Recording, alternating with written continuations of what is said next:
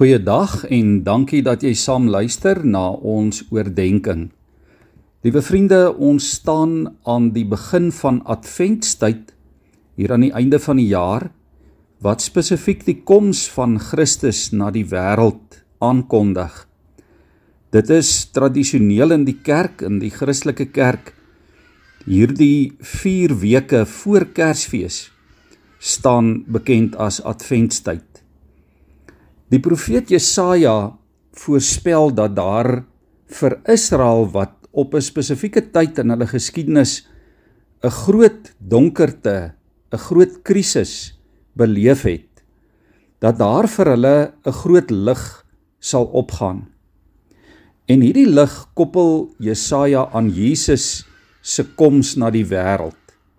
Jesaja sê want 'n kind is vir ons gebore 'n seun is aan ons gegee en hy sal die heerser wees met die koninklike titels wonderbare raadsman magtige god ewige vader en vredevors ons lees dit in Jesaja 9 vers 5 Liewe vriende God kan en wil die lot van mense verander. Spesifiek wil God die lot van sy gelowige kinders verander. Ja, hulle wat in die donkerte geleef het, sê die woord, sal weer 'n groot lig sien. En Jesaja is so seker daarvan van sy saak dat hy hierdie profesie in die verlede tyd skryf. Jesaja skryf dit asof dit reeds gebeur het. Wanneer Jesus dan meer as 400 jaar later gebore word daar in Bethlehem, berig Lukas dat 'n klompie skaapwagters in die nag by hulle skape wag gehou het. En hulle is deur 'n helder glans verlig toe 'n engel skielik daar in die veld tussen hulle staan. Lukas 2 vers 9 sê die glans van die Here het om hulle geskyn. Die heerlikheid van God het hulle verlig. Maar die engel kom en hy stel hulle gerus dat hulle nie bang hoef te wees nie, sê hy, want hy bring vir hulle goeie nuus van groot blydskap van verlossing van redding. Die verlosser, sê die engel, is vannag daar in Bethlehem in die tuisdorp van Dawid gebore. Liewe vriende, elke Kersfees vir ons elke einde van die jaar word ons as gelowiges en gelowiges reg oor die wêreld aangegryp deur die ligglans van God se heerlikheid. Deur die glans van God se teenwoordigheid as ons feesvier oor Jesus se geboorte.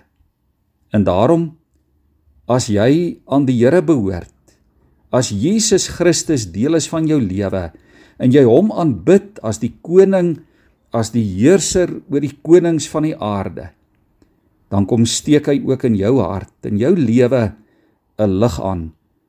Dan maak hy jouself ook 'n lig wat God se heerlikheid hier op aarde weerkaats.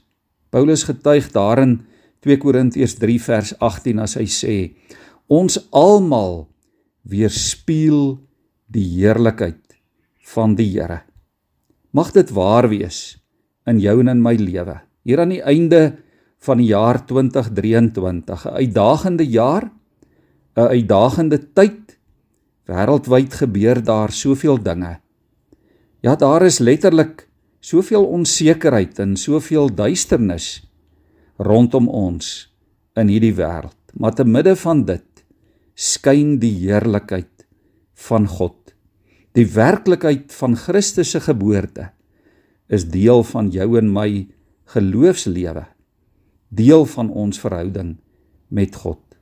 En daarom fokus vanjaar op hierdie glans van God se teenwoordigheid. Ook wanneer jy Kersfees vier saam met jou gesin, saam met jou familie. Dis 'n groot voorreg. Baie mense wêreldwyd het ook nie hierdie voorreg en hierdie geleentheid nie. Kom ons gebruik dit tot eer van die Here. Ons buig in gebed en aanbidding voor hom.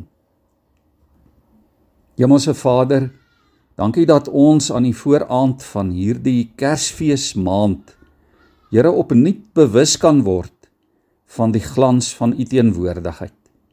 Wanneer ons gereed maak en voorberei om Kersfees te vier. Here, in hierdie tyd gaan daar weer Kersliedere gesing word en Kersmusiek gehoor word.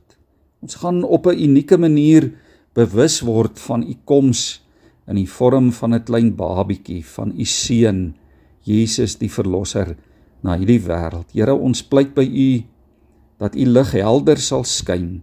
Here, dat dit nie vir ons net nog 'n Kersfees sal wees nie. Maar Here, dat ons die bewus sal word van u teenwoordigheid, van die glans van u naderende koms, o Here. Ook van die glans van u naderende wederkoms. Maak ons daarvan bewus ook in hierdie dag. Amen.